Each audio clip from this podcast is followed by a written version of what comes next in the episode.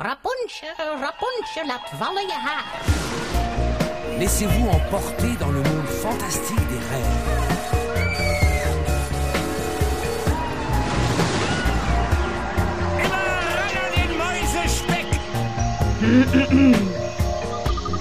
Het is weer ochtend in Pretparkland. Goedemorgen pretparkland en welkom bij je ochtendelijke pretparkpodcast. Mijn naam is Erwin Taats en Bram Faams en ik hebben het vanochtend over het digitale pretparkland.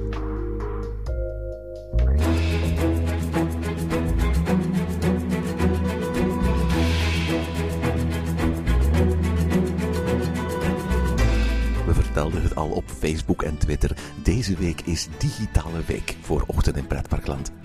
Maandag spraken we in onze achtste ooit live aflevering met Sebastiaan Granade over zijn ervaringen met het nieuwe Fastpass Plus systeem in Walt Disney World.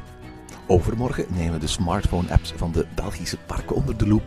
Maar vandaag hebben Bram en ik het over de digitale ontwikkelingen in pretparkland die we de komende jaren mogen verwachten.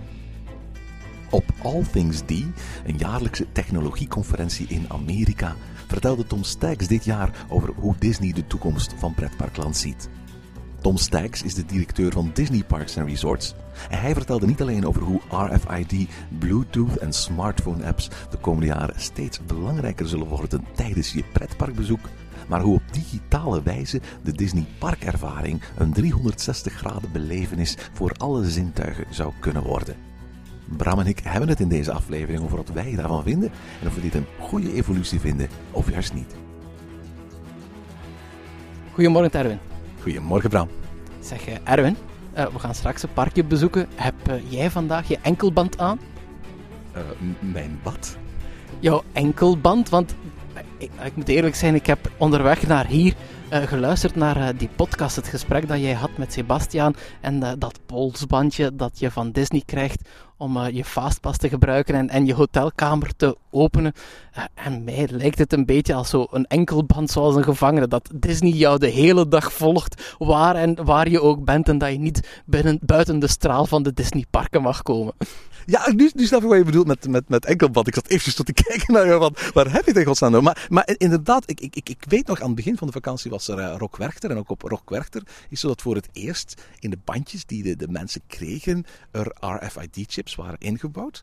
Uh, de organisatie van Rock Werchter had gezegd van, um, we gaan dat voor alles en nog wat gaan gebruiken, met name voor crowd control. We weten op dat moment um, um, waar iedereen is en welke tenten er heel veel mensen zitten en welke, uh, bij welke podia het, heel druk of weinig druk is en zo. Uh, maar tegelijkertijd zag je in alle media toch heel veel vragen over waarom zijn jullie niet duidelijk over wat voor informatie jullie allemaal precies over die wristbands die op Rockwerchter uh, uitdeelt uh, geeft. Want voor hetzelfde geld, bij wijze van spreken, kan de organisatie van Rockwerchter perfect weten wie met wie in de kampeertent zat. S'nachts natuurlijk, omdat je op die manier die bandjes kunt uitlezen. Dus er is inderdaad een beetje het gevoel van gevangen te zijn door die technologie.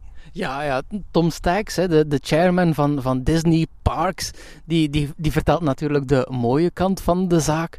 Uh, maar toen ik hem hoorde vertellen uh, in een interview over die uh, armbandjes, dan dacht ik toch ook van, god, dit gaat wel heel ver. Hè. Hij vertelde zo dat, dat zij perfect kunnen weten aan de hand van die RFID die daarin zit, maar ook, er zit ook blijkbaar een Bluetooth-ontvanger in die geen persoonlijke data doorgeeft, maar wel de aantallen kan doorgeven. Dus zij weten nu perfect, uh, wel nu, uh, eens dat de polsbandjes uh, ja, bij iedereen worden uitgedeeld, weten zij perfect waar de mensen zitten. En zij weten dus perfect waar ze de characters naartoe moeten sturen om het volk een beetje te verdelen, of waar ze natuurlijk de ijstent, de ijskraamverkoper naartoe moeten sturen om ijsjes te gaan verkopen, want net daar zijn heel veel mensen. Dat vertelt hij er natuurlijk niet bij, maar ik ben er zeker van dat dat uh, net de bedoeling is van die armbandjes. Stel, er is heel veel volk in, uh, de, rond de Psyche Underground in, in, in Walibi, Belgium. En al die mensen komen buiten en heel veel mensen hebben zin in een ijsje dan is het toch net fijn dat Walibi zou weten van, ah, de meeste mensen staan bij Psyche Underground. We gaan zorgen dat daar uh, tentjes met, met, met drinken en eten zijn, zodat ik niet het halve park door moet wandelen. Ja, ik, uh, ik treed je daarin bij. Dat is een beetje hetzelfde verhaal als, uh, als advertenties op internet of, of tracking cookies op internet. um, die cookies, daar, daar wordt ook zo heel veel rond gedaan van ja, dat schendt onze privacy. Maar zonder die tracking cookies zou het internet niet zo op ons maat gesneden zijn. Dus inderdaad, het argument van ja, we verliezen daar een stuk privacy mee, kan je counteren met het argument ja, je beleving wordt op maat van jou gesneden. Maar toch vind ik het een beetje griezelig dat als ik een dag naar Disney ga, dat, ja, dat, dat er bijna een soort Big Brother achter mij, mij kan volgen en zien wat ik een hele dag doe en waar ik een hele dag in, in de wachtrij sta. Ik vind het toch ja, heel, heel erg op die grens hoor van, uh, van privacy en, en, en, en, en vrijheid in zo'n park. Aan de andere kant, eh, de Magic Kingdom uh, haalt regelmatig 100.000 bezoekers per dag. Walt Disney World haalt 60 miljoen bezoekers per jaar. Het is de grootste toeristische bestemming ter wereld. Ja, jij met je pandje bent één van de 60 miljoen. Het is niet dat, dat, dat daar iemand achter de schermen op een computertje voortdurend op zoek gaat naar waar is Bram Faams nu, hè? dat zou ik wel willen, hè, dat ik als een soort ster behandeld word en een hele dag gevolgd wordt. Ja, inderdaad, hè, we moeten eh, een beetje de kerk in het midden houden qua, qua privacy, maar toch ben ik blij dat er mensen zijn die dat soort dingen in de gaten houden. Hoe ver gaat een commercieel bedrijf als Disney daarin? En dat hoorde ik ook in dat gesprek tussen jou en Sebastiaan over uh, wie kan er fastpassen bestellen en voor wie zijn fastpassen beschikbaar. Het klinkt allemaal mooi dat Disney nu zegt: ja, je kan je dag plannen en je kan op voorhand je fastpassen bestellen, dus je weet perfect dat je de toppers gaat kunnen doen. Maar anderzijds zit er daar dat kantje aan dat Disney ook de kraan kan toedraaien en kan zeggen: jij kan wel fastpassen kiezen en jij niet. Je kan een deluxe versie van een Disney bezoek krijgen, of je kan een soort magere versie van je Disney bezoek krijgen. En dat is dan weer zo'n een vies kantje van: ja, het, het wordt nog commerciëler dan het nu al is. Hè. Anderzijds, er zijn één of twee voorstellingen in het donker van Aquanura. En dan is het altijd drummen om een plaatje te krijgen. De Efteling zegt van, hey, voor 16 euro kun je een, een exclusieve uitkijkplaats uh, uh, op de eerste verdieping van het Efteling Theater, het balkon, reserveren. Je krijgt er een drankje bij en dan heb je de beste plaats om Aquanura te zien. Walibi Belgium biedt speedy pasjes aan en zegt van, kijk, in ruil voor 15 euro moet je zeker met z'n vieren niet gaan wachten bij uh, die attractie.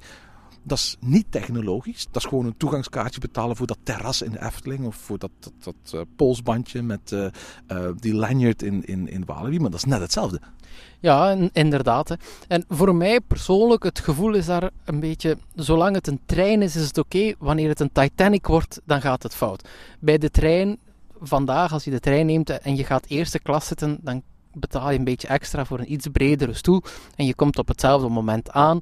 Je hebt een iets ruimere ervaring waar dat je iets meer voor betaalt. Het ligt nog binnen veel mensen hun budget. Um, voor mij is dat oké. Maar ga je gaan kijken naar het verschil tussen het eerste dek en het laagste dek in de Titanic. Het eerste dek, mensen die een soort balkon krijgen en een hele grote salon en in alle luxe leven tegenover de mensen op het laagste dek die met vier in één bed moeten slapen. Daar is het verschil te groot. En ik denk dat Disney daar moet zoeken naar wat is die juiste verhouding. Um, hoe zorg ik ervoor dat mensen die niet die deluxe versie krijgen, dat die toch nog een fijne dag hebben? Ook al snap ik dat, er, dat het voor Disney goed is dat zij commercieel denken hè, dat, ze, dat ze er iets aan verdienen. Mensen die wat meer kunnen veroorloven, ja, die kunnen van mij wel wat meer krijgen. Maar als je het niet kan veroorloven, moet je dag nog wel fijn zijn. En ik kan me wel voorstellen dat als je op een dag maar vier attracties moet doen, omdat je overal twee uur hebt moeten aanschuiven, omdat je allemaal die voorkruipers ziet die veel betaald hebben, ja, wat is dan nog het nut van naar Disney gaan? Maar is dit nu een, een discussie over technologie of is dit een, een discussie over sociale gelaagdheid? Ja, dat is de vraag die je kunt stellen. Die technologie maakt het gewoon een stuk eenvoudiger. Uh, vroeger het, het fastpass-systeem was eigenlijk ook heel eerlijk. Hè. Enkel de mensen die in het Disneyland Hotel zaten, in Disneyland Parijs dan, die hadden zo'n fantastische fastpass. En al de rest, ja, die moesten maar zorgen dat die rap was en dat die wist hoe het systeem werkte. Maar iedereen bleef gelijk. In het geval van, uh, van de Fastpass Plus is het wie meer betaalt, is iets minder gelijk dan de andere. iedereen is gelijk, uh, tenzij dat je meer oplegt natuurlijk. En dat maakt, uh, maakt het, het systeem. vroeger was het Fastpass gelijk, nu is het ja, wie meer betaalt, krijgt meer. En daar is de technologie is eigenlijk een soort glijmiddel om dat bij de mensen binnen te krijgen. Laat mij over een andere ongelijkheid uh, spreken. Je zegt het nu wel, maar aan de andere kant is ook een andere tweedeling te maken. Namelijk die mensen die het park bezoeken en weinig of niks met die technologie hebben. Anderzijds de mensen die wel heel veel van technologie afweten en, en, zo'n smartphone hebben waar je zo'n appje op kunt installeren. Want fastpasses kun je gaan reserveren via zo'n appje. Je kunt natuurlijk wel uh, naar een of andere counter gaan en daar gaan reserveren, maar dan, dan mis je toch heel veel functionaliteit en flexibiliteit. Ook, daar heb je een gelaagdheid, hè? Sterker nog, het gaat over mensen die weten of mensen die niet weten. Jij en ik, wij zijn pretparkfans. En ja, wij, wij spenderen dan ook veel tijd in de voorbereiding van zo'n reisje naar Orlando of, of, een bezoekje aan, aan een pretpark als, eh, als Disneyland Parijs. Of, um, dus wij gaan daar op voorhand naar op zoek. Wij, wij pluizen dat uit. Hoe zit dat hier? Ik kan me wel voorstellen dat mensen ook zeggen, ja, zo'n reisje naar naar Disneyland Parijs of naar, naar Orlando.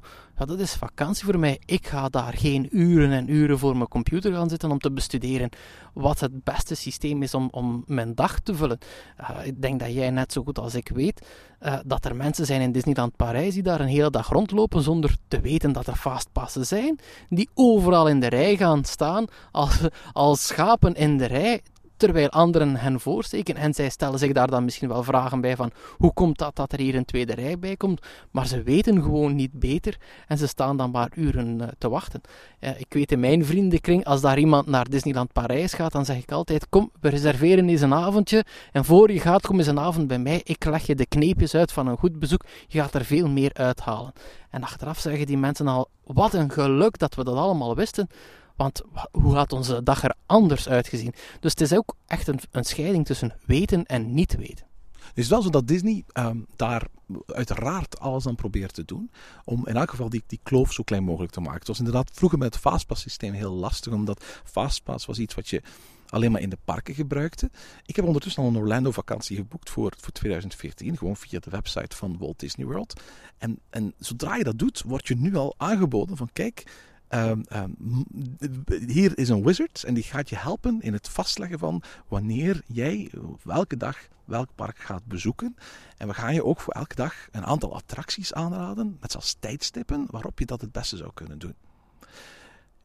Je kunt dat fijn vinden of niet fijn vinden. Je kunt daarin meegaan en zeggen, of je kunt daar niet mee meegaan. Maar het is wel zo dat nu al bij het boeken van de reis, en dat zal ongetwijfeld later zo zijn als je naar een reisbureau gaat ook, dat zodat je, je reisagent jouw, jouw Walt Disney World vakantie aan het boeken is, dat hij op een bepaald moment op een scherm zal komen waar die opties zullen gevraagd worden. Dat je op, op dat moment in elk geval al geïnformeerd zult worden over het feit dat het bestaat. Terwijl vroeger dat niet het geval was ik herken hier het, eh, het uh, iPad eh, versus computer verhaal in. Hè.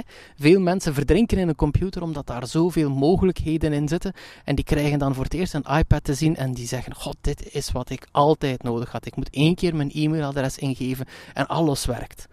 En mensen vinden dat schitterend en vinden het niet zo erg dat ze heel veel mogelijkheden verliezen die ze anders op een computer hadden, maar ze vinden die eenvoudig, die, die eenvoud belangrijk. Ik denk dat Disney hetzelfde zoekt met die armband. Ze zoeken een manier om via die armband de uh, Walt Disney World beleving zo eenvoudig mogelijk te houden. En ik denk dat zij nu heel hard aan het zoeken zijn naar die marge. Hoe ver kunnen we het eenvoudig maken en het voorstructureren voor onze bezoeker, zonder hen het gevoel te geven dat ze effectief zo'n enkelband aan, uh, aan hebben en net als een gevangene moeten dansen naar de pijpen van wat uh, Disney te vertellen heeft. Hè. Maar laat, laat, ik gewoon eens concreet het voorbeeld geven van, van de vakantie die, die, ik nu geboekt heb voor volgend jaar in, in, in oktober. Vroeger, als ik naar Disney ging, dan had ik mijn entreekaart. Ik moest dat, die, dat entreekaartje altijd bij me hebben. Ik had daarnaast ook mijn, mijn keycard voor mijn hotelkamer. Die had ik ook altijd uh, bij mij. Ik moest eigenlijk nog een, een, een visakaart uh, met me meenemen. Om, want uiteraard die visakaart uh, gebruikt komt om te betalen. Of ik moest geld meenemen, muntjes en dat soort toestanden meenemen. Ik heb nu een, um, een hotel in Disney geboekt. Ik heb daar entreekaartjes aan toegevoegd. Ik heb ook een dining plan eraan toegevoegd. Vooral het is heel warm in Florida. Je wil er niet met een rugzak of zo rondlopen. Er zijn ook heel veel waterattracties. En dan, dan, dan, dan, dan ben je bang dat, je, dat, de spullen gaan nat worden. Alles zit nu gewoon in dat ene armbandje. En als ik, als ik gewoon uh, zin heb in een snack. Ik heb uh, standaard elke dag heb ik zoveel snack credits die ik met mijn dining plan kan kopen. Dan ga ik gewoon naar een, naar een uh, plek waar ze ijsjes verkopen. Ik ga eventjes met mijn armbandje. En dat gaat van mijn, van mijn ijsjeskrediet af van die dag. En bovendien, ik, ik hou mijn kosten vo volledig onder controle. Want ik heb vooraf al betaald voor en park en eten. Dus ik weet al voor ik vertrek hoeveel ik ga besteden. Alleen maar voor een souvenirtje moet ik nog extra betalen. Ja, geweldig. Hè? Dat is denk ik de reden waarom veel mensen ook kiezen voor zo'n all-in vakantie. Ze weten perfect vooraf wat de totale kost gaat zijn en het gaat dan geen euro extra uh, kosten. Maar voor die veiligheid betaal je eigenlijk ook een prijs. Die, geen geldelijke prijs, maar die prijs betaal je in flexibiliteit. Ik ga niet op all-in vakantie. Ik kies een bestemming en ik zal daar wel zien welke dingen ik ter plaatse bezoek. Ik weet op voorhand niet perfect hoeveel die reis mij gaat kosten. Want het ene is, museum is al wat duurder als het andere. Het ene restaurant dat ik kies komt een pak duurder uit als het andere. Dus mijn prijs van mijn vakantie ligt niet vooraf vast. Maar daartegen staat wel dat ik elke dag volledig de vrijheid heb om te kiezen wat ik ga doen. Dus ik kan nog spontaan reageren en nog spontaan kiezen wat ik uh, juist wil. Ik kan me voorstellen dat als je fastpassen netjes op een rij worden vastgelegd en op dat uur moet je bij uh, Tower of Terror zijn en dan moet je de Space Mountain gaan doen en die dag ga je in dat park en die dag ga je naar dat park, dat de spontaniteit uit je reis toch wat verdwijnt. En zeker voor gezinnen die met kinderen gaan, en kinderen zijn een, de meest onvoorspelbare factor in je reis. Want soms worden ze plots moe, of soms hebben ze plots geen zin meer in net wat jij gepland had, ja, dan kan dat toch wel tegenvallen dat jouw netjes geplande en gestructureerde planning, dat die helemaal in het water valt. En misschien krijg je net stress in plaats van, van, van vakantierust. Maar je hoorde Sebastian in de podcast toch, toch heel positief zijn. met zijn iPhone kon hij met het appje eigenlijk op elk moment gewoon uh, zijn reservaties verplaatsen naar een vroeger moment of naar een later moment of veranderen van attractie. Die flexibiliteit is er wel. Je legt de dingen wel op voorhand vast. Maar merk je bijvoorbeeld op een bepaald moment dat ik een reservatie heb voor Tower of Terror en kom ik bij Tower of Terror en zie ik dat er maar een wachtrij staat voor vijf minuten, dan kan hij op dat moment nog gewoon gaan veranderen voor een andere attractie. En hij vertelde ook dat, dat ze nu echt nog aan het testen zijn met dat systeem. Hè. En ik stel het nu een beetje zwart op wit. Uh, ik denk dat ze daar echt heel hard gaan moeten zoeken naar die flexibiliteit. Ervoor zorgen dat de gast nog altijd het, de ervaring krijgt dat hij niet op zijn werk is. Want dat is wat, wat ik net wil als ik op vakantie ben. Uh, een heel jaar door moet ik naar mijn, uh, naar mijn smartphone grijpen om te kijken welke vergadering staat er nu op de planning en welke taken worden er nu nog afgewerkt. Ja, dan wil ik dat tijdens mijn vakantie absoluut niet. Dat ik constant naar dat uh, zwart scherm zit te kijken van ja, wat moet ik nu weer gaan doen? En ik denk dat, uh, dat Disney dat ook wel beseft. Ehm, dat ze daar ergens een, een, een middenweg moeten vinden tussen de spontaniteit van zo'n dag en, ja, en het gemak om niet te hoeven aanschuiven. Ja, want dat, dat is, ik, ik herinner me een reis die ik ooit gemaakt heb met enkele vrienden naar, naar Engeland. We hebben toen gewoon de boot van hier in België naar, naar, naar, uh, naar, naar Groot-Brittannië genomen. We kwamen toen in Londen. We hadden helemaal geen, geen overnachting geboekt. We dachten van, ja, we zijn jong en avontuurlijk. We zoeken het zelf maar uit. En die eerste dag, Londen bleek vele keren drukker te zijn dan we verwacht hadden. Uh, was het zo dat we echt bijna de volledige dag gespendeerd hebben aan het zoeken naar een overnachtingsplek. Gewoon omdat we dat op voorhand niet, niet, niet geboekt hadden. En dan heb ik zoiets van, ja, maar stel nu dat je gewoon ervoor kunt zorgen dat je veel minder moet wachten ter plekke. Nou, stel dat je een gemiddelde wachtrij in, in, in Disney, dat het zoiets is van, van een half uur of zo. En dat ik drie of vier van die ah, wachtrijen van een half uur of, of zo al kan elimineren door gebruik te maken van zo'n zo'n armbandje. En dat ik voor de rest gewoon vrij ben in de keuze en de planning van mijn dag, hoe dat ik dat wil. Maar met, met dat, dat, dat geruste gevoel van, van... Ik heb in elk geval die highlights die ik, waarvoor ik helemaal vanuit België hier naar Orlando ben gekomen. Want eerlijk laten toegeven, um, Big Thunder Mountain kun je hier in, in Europa ook doen. En is beter en leuker en groter en sneller dan, dan, dan in Orlando. Maar de 100 mensen die we dat echt wel gedaan hebben. Die is een stuk spectaculairder dan onze, onze Phantom Manor. En, en uh, er zijn een aantal uh, andere attracties die daar absoluut niet gemist willen hebben. Stel dat, dat, dat, je kunt vertrekken met de 100% zekerheid dat je zonder uren te wachten die attracties gaat kunnen doen. Als, als enige beperking dat je wel al vooraf moet vastleggen wanneer je ze moet doen. Dan is dat misschien niet eens zo'n grote opoffering voor die, voor die gemoedsrust. Nee, ik denk dat ook. Ik denk dat, dat heel veel mensen tevreden zouden zijn van ja, ik ben zeker dat ik die en die en die attractie kunnen doen, kan doen. En ik, ik ben het met je eens. Hè. Een, een planning dat zorgt ook in je hoofd voor rust. Ik hoef mij hier geen zorgen over te maken, want dat is allemaal al geregeld. Maar het is, ja, zoals ik zei, het is een, een afwegen. Hè. Hoe ver ga je in die planning als, als je te veel op één dag probeert te proppen, als je mensen toelaat om veel te veel op één dag te proppen, dan, dan gaan ze gestresseerd rondlopen. Hè. En dat is iets wat je nu ook merkt als je in Disneyland rondloopt. Rond een uur of 7, 8 worden de kindjes moe. Maar mama en papa hebben lang gespaard om naar Disneyland te gaan. En dan loopt het daar vol met krijsende kinderen die toch ze moeten nog in een attractie, want die attractie hebben ze nog niet kunnen doen. En mama en papa hebben zoveel betaald om er te zijn. Dus kindjes, of dat ze er nu klaar voor zijn of niet, ze moeten maar mee in die, in die attractie. Ja, dat is ook een pijnlijke situatie. En misschien kan dat met zo'n fastpass systeem wel verholpen worden. Maar ik denk dat, dat Disney goed moet kijken van zorg dat je de mensen ook wat beschermt tegen zichzelf, dat ze een dag niet te vol proppen. En zorg ook dat mensen die niet aan die premium tarief komen, dat die ook alle kansen krijgen om een fantastische dag te hebben. Dat het niet zo is dat mensen die veel betalen en die vermogend zijn, dat die alle wachtrijen kunnen overslaan en dat het gepeupel maar in de wachtrij moet staan. Want dat zou toch wel heel pijnlijk zijn. Ja, ik, ik, ik, heb ook het vermoeden dat dat niet het geval zal zijn. Er zijn ook nog altijd, dat is, dat is, dat is het mooie van, van als je het Magic Kingdom in, in Orlando vergelijkt met het Disneyland Park. Hier zijn gewoon veel meer attracties. En doordat er veel meer attracties zijn, wordt ook de wachtrij veel meer gespreid. Ook al, ook al zijn er veel meer, veel, veel, veel meer bezoekers. Dus al die attracties hebben ook een enorme capaciteit. En er staan ook veel meer medewerkers die de capaciteit uh, omhoog drijven. Weet je, Orlando, hoe leuk het ook is, ik ben me in volle besef dat dat een, een serieuze investering is. Voor, een, voor een gezin dat met z'n vieren naar Orlando gaat, kost een vakantie 5 à 10.000 euro. Dat is iets wat veel mensen niet zomaar elk jaar kunnen uitgeven. En dan heb ik wel het gevoel, en ik denk dat dat voor een heel groot stuk het idee is waar, waar, waar uh, Disney mee speelt. Die mensen die 5 à 10.000 euro uit, uitgeven om, om, om een week bij ons op vakantie te gaan, die willen daar echt het beste uithalen natuurlijk.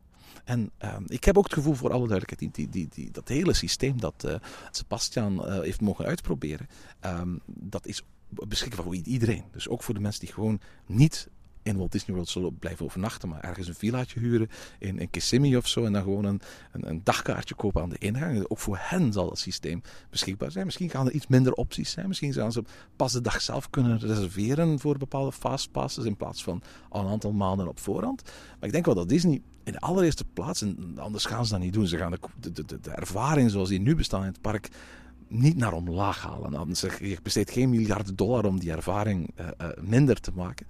Ik denk dat Disney ervoor gaat zorgen dat nog meer mensen het gevoel hebben van... Als, als ik zo'n waanzinnig bedrag neerleg om op vakantie te gaan, dan ga ik dat bedrag eruit halen. Dan ga ik achteraf voor 5000 euro aan plezier hebben kunnen maken met mijn kinderen. Ja, en weet je wat ik mij afvraag, Erwin? Als ik dat soort moois hoor, dat ze eigenlijk via de magie in een polsbandje zo je dag kunnen verbeteren. Waar zitten ze in Parijs op te wachten? Want dat is toch iets wat ik ongelooflijk mis. Dat ik in Parijs nog met zo'n vervloekt kaartje waar ik tien keer door die ellendige fastpass-machine moet swipen voor zo één onnozel kartonnetje te krijgen. Ik hoop toch dat ze daar ook eens aan denken om die ervaring te verbeteren.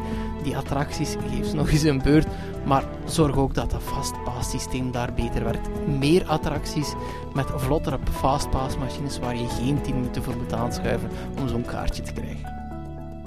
En tot zover deze aflevering van Ochtend in Pretparkland. Heb je vragen of opmerkingen? Mail ons dan via ochtend.pretparkland.be. Meer informatie over onze podcast vind je terug op www.pretparkland.be en nieuwe afleveringen download je via onze website of via iTunes. Ochtend in Pretparkland is de pretparkpodcast voor vroege vogels. Bedankt voor het luisteren en maak er een fijne dag van.